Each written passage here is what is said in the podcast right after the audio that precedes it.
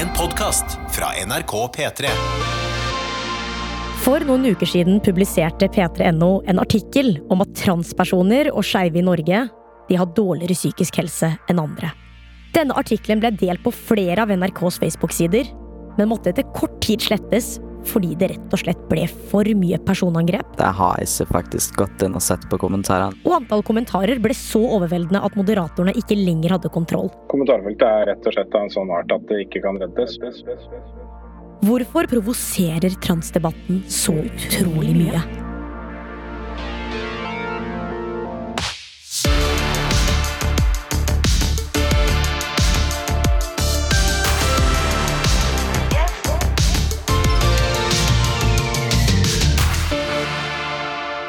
Jeg heter Tamanna Gnihotri, og velkommen til ukens rykende ferske episode av Pålogga. Og i dag skal vi rett og slett dykke ned i grumset fra kommentarfeltet.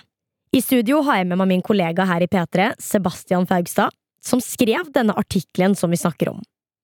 Sebastian, hvorfor skrev du denne artikkelen? Det begynte jo altså med at eh, jeg fant en SSB-artikkel, som veldig mange andre saker gjør. SSB er altså Statistisk sentralbyrå. Det er de som utarbeider og utgir offisiell statistikk i Norge. Her fant Sebastian tall som fikk han til å stusse. Det var en veldig større prosentandel av skeive som sleit psykisk enn øvrige. Mm. Eh, over 50% av eh, skeive mellom 18 og 24 sliter psykisk. Og så eh, for transpersoner så er det etter regnet at det var veldig mye verre, for da viser det at eh, 21-23% har erfaring med selvmordsforsøk. Jeg reagerte veldig på at ingen hadde skrevet om dette her utenom ei annen avis. og det var ganske overfladisk skrevet om der, og jeg synes det var litt merkelig, for dette var jo ganske drøye tall. Ja, det, det er ganske mye.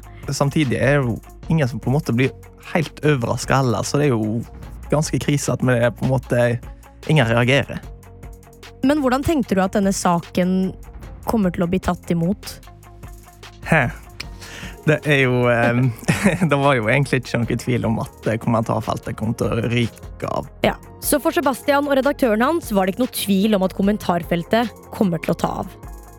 Artikkelen ble ferdig på en fredag og skulle publiseres dagen etter. Men de kunne ikke dele denne på Facebook og Instagram med en gang. Det var jo en lørdag, og det var rett og slett ikke nok folk på jobb til å passe på kommentarfeltet.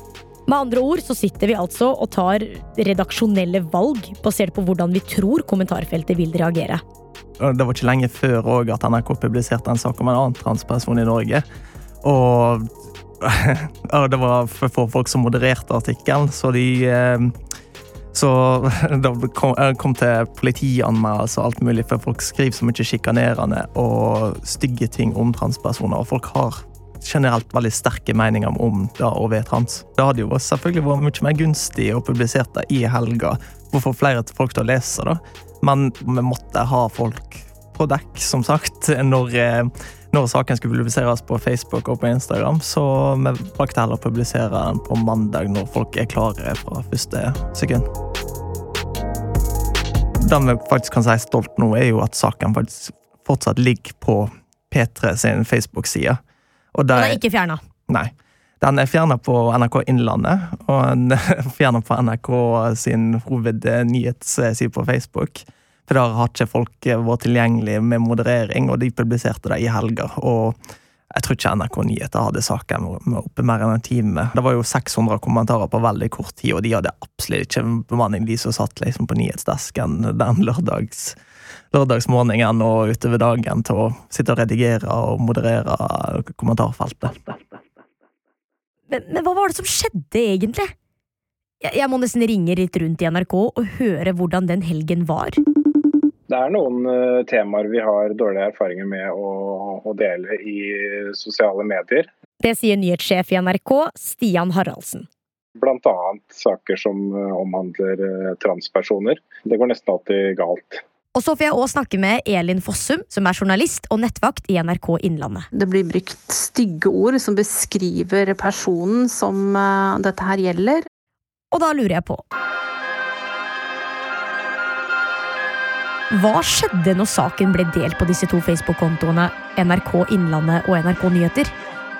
Moderatoren vår la den på Facebook og fulgte da nøye med på kommentarfeltet, siden vi av erfaring vet at dette er et tema hvor det kan komme stygge ting. Vi hadde et lite håp om at uh, kanskje denne gangen uh, så vil det foregå på et ålreit nivå. Kollegaen min som hadde helgevakt, hun opplevde at kommentarfeltet ganske raskt tok fyr. Og jeg kunne se at hun var stadig inne og prøvde å roe ned.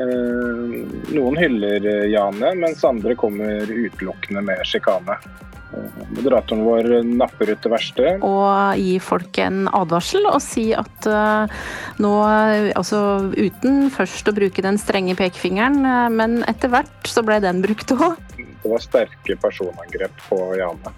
Kommentarfeltet er rett og slett av en sånn art at det ikke kan reddes, og vi bestemmer oss for å ta den bort. At folk ikke skjønner det, er greit. Eh, det må jo bli opp til hver enkelt. Men når de kaller det motbydelig og ekkelt, og at folk skal gå og gjemme seg når de er på den måten, da går det over grensa. Grunnen til at de fjerner Facebook-postene om saken, er jo rett og slett fordi de mister kontroll over kommentarfeltet. Det handler jo også om å beskytte de som har stilt opp som intervjuobjekt i saken. Og tenke deg Hvis jeg hadde stilt opp og hadde fått så mye dritt, det, det er ikke lett. For uh, hvis det å eh, stille opp for NRK og fortelle om uh, utfordringer og vanskelige ting bare fører til en ekstra belastning, så er det det siste vi ønsker. De snakker for andre, og de viser ansiktet sitt, og de prøver å gjøre verden til et bedre sted. Og så Eh, er det vårt ansvar da å sørge for at vi skal ha en debatt, som jeg har sagt, og at det er lov å mene ting, men det er veldig viktig at eh, det ikke slår over til hets. Det er eh, veldig dumt, og jeg skulle ønske vi hadde kommet lenger. Men forhåpentligvis så lar de seg ikke knekke eller trues til taushet. Men det er én ting jeg ikke helt skjønner ennå. Hvor går grensa? Hva er det de som modererer NRKs kommentarfelt ser etter, når de går inn da og sier 'oi, den der, den må slettes', 'oi, den der må fjernes'? La oss si at noen skriver at de ikke vil følge koronareglene fordi Erna Solberg er fra Bergen og skarrer. Eh, det er bare platt og teit, og noe en statsminister må tåle. Men hvis hun hadde vært lesbisk, og noen skrev at de ikke vil følge reglene fordi hun er et umenneske som ikke lever i et uh, mann-kvinne-forhold, da når på en måte usaklighetene nye høyder og er uh, rett og slett sjikane. Mm. Og Det er ikke da bare noe som sårer henne, men som også sårer andre som er i samme situasjon.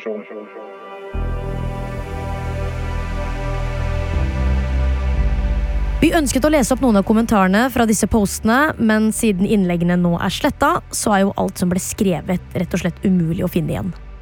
Men P3 beholdt jo artikkelen på sin Facebook-side. Den har jo da nå i skrivende stund 344 kommentarer. Men moderatorene har nå klart å opprettholde en ganske saklig tone, og de har skjult en del av de verste kommentarene. Derfor kommer jeg nå til å lese opp noen av kommentarene moderatoren har valgt å skjule på denne posten. ok. Er vel greit å kalle seg en katt, sau eller et annet dyr òg, da eller mose som gror på bakken. Det er som oftest mellom beina det er enklest å se hva skjønnet er. Hvor er psykiatrien når noen behøver hjelp? Før i tiden kastet man sånne krek på bålet. Eller til sjøs. Savner gamle dager. En til? Jane må gå til psykolog for å bli frisk, fremfor å legge byrde på samfunnet grunnet hans sykdom. Mm. Alle disse kommentarene ble altså skjult av P3s moderatorer. Noen av dem fordi de mente at de gikk litt over grensa. Andre fordi det var ting som ble skrevet mange ganger og ble vurdert til å ikke bidra til det man kaller en saklig debatt. Hvordan er det å være den personen som faktisk blir hetsa så mye at NRK bare sier sånn Nei, fuck it, vi, vi sletter hele kommentarfeltet.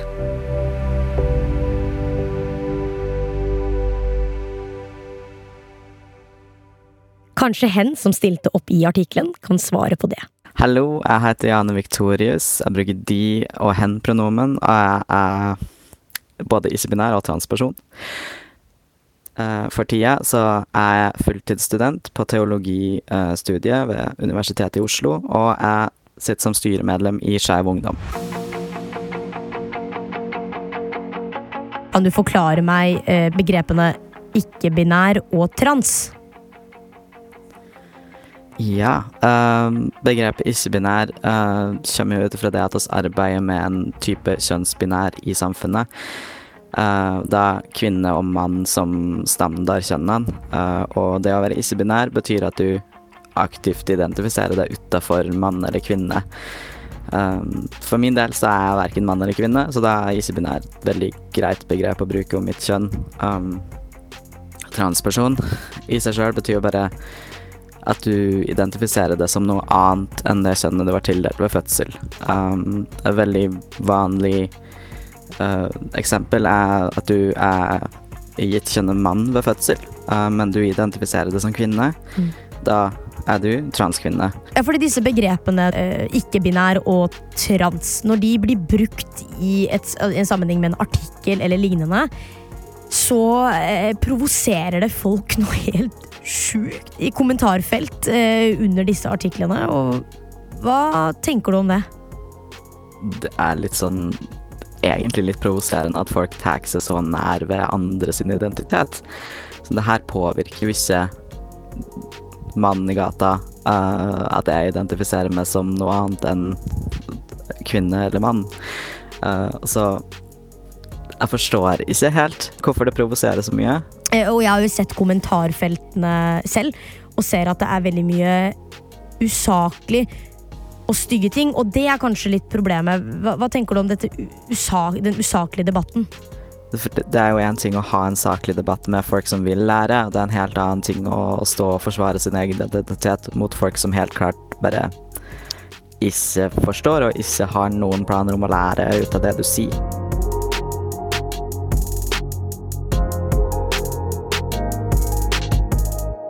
Men det er også veldig lett å ta ut frustrasjonen sin i kommentarfelt, eh, fordi du er litt sånn litt mer anonym.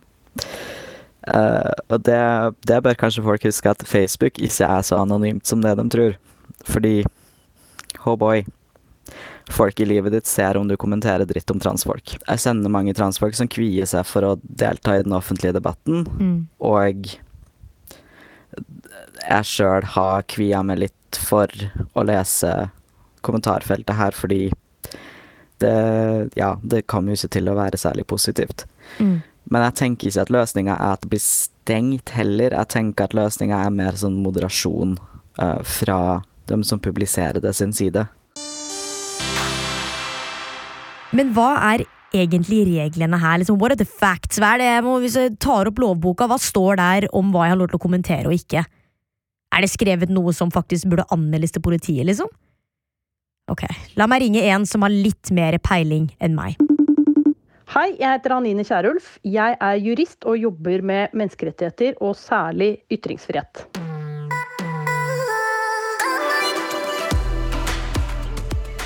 Anine, hvor går grensen på ytringsfrihet til ulovlig? Det er ikke lov å true folk. Det er ikke lov å komme med hatefulle ytringer mot en eh, opplistet gruppe minoriteter. Eh, og hatefulle ytringer det betyr ikke bare at de liksom virker hatefulle, de må være grovt eller kvalifisert krenkende. Sånn typisk undergrave folks menneskeverd på en måte. Eh, og så er det ikke lov å ærekrenke folk eh, og si noe som skader deres omdømme eller gode navn og rykte. F.eks. påstå at de er korrupte eller noe sånt, hvis man ikke har bevis for det. Så er det ikke lov å utlevere folks privatopplysninger. Eh, og så er det ikke lov å sjikanere og plage folk. Sånn masse kjipe meldinger sendt eh, på kveldstid f.eks. eller andre ting. Vi har eh, grenser for ytringsfriheten for å ivareta andre menneskers rettigheter på den ene siden, eh, og også hensynet til samfunnets sikkerhet og ro og orden på den andre siden. Men eksempel den ene kommentaren jeg leste opp i sted. Eh, Før i tiden kastet man sånne krek på bålet eller til sjøs, savner gamle dager. Er den innafor sånn lovmessig? Ja, Den ligner litt på en type oppfordring til straffbare handlinger, men den er ikke det. For det han sier er egentlig at han savner en annen tid hvor det var greit. Han innser at han lever i en tid nå hvor det ikke er greit, men han personlig savner den andre tiden. Og grunnen til at det ikke er straffbart, er at det sier noe om han, og ikke så mye om de som han hater på. Så NRKs moderatorer fjerner ganske mange kommentarer som ikke bryter med Norges lover. Mange redigerte medier de har egne regler for sine kommentarfelt om hvordan de vil at den samtalen i det kommentarfeltet skal forløpe, og de kan moderere etter de reglene, selv om det som sies ikke er straffbart. Tilbake til Jane. Hvis det ikke er nok uh, folk som kan moderere, så er nok å stenge kommentarfeltet beste. Men syns du at det her påvirker debatten? At vi driver og sletter kommentarer og stenger ting og fjerner greier og sånn?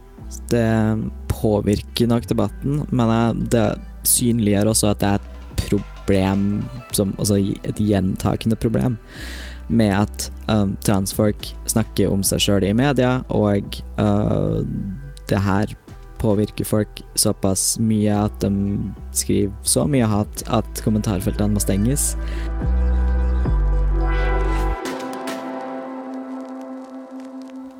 I høy grad så øker det terskelen for å, for å si noe offentlig. Eh, det er mye større stakes hvis du, hvis du veit at det kommer til å få såpass negative konsekvenser. Det blir mye vanskeligere å skrive det leserinnlegget, f.eks. Det blir mye vanskeligere å stille opp til det intervjuet hvis du, hvis du allerede veit at såpass mange reagerer negativt til at du eksisterer.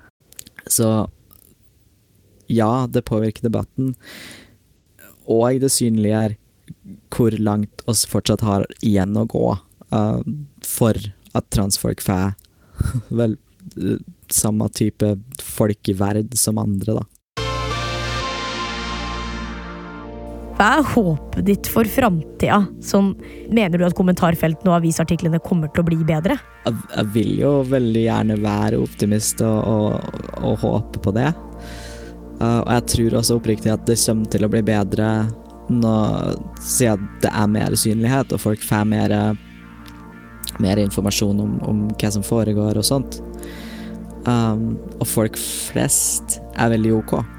Min motivasjon har vært å synliggjøre uh, et kjønnsmangfold, uh, fordi jeg veit at det gjør godt for uh, transfolk som er i skapet.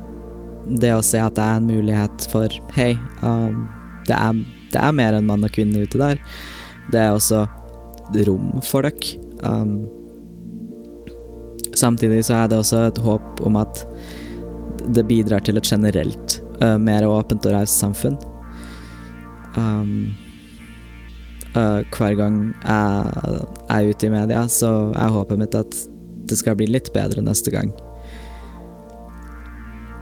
Det håper jeg også. Om du har en historie eller en fortelling du har lyst til å dele med meg, så er det bare å sende en mail til tamanna at nrk.no. Du har hørt en podkast fra NRK og P3. Hør flere podkaster i appen NRK Radio. Jeg. Hallo, hallo, hallo, hallo, hallo.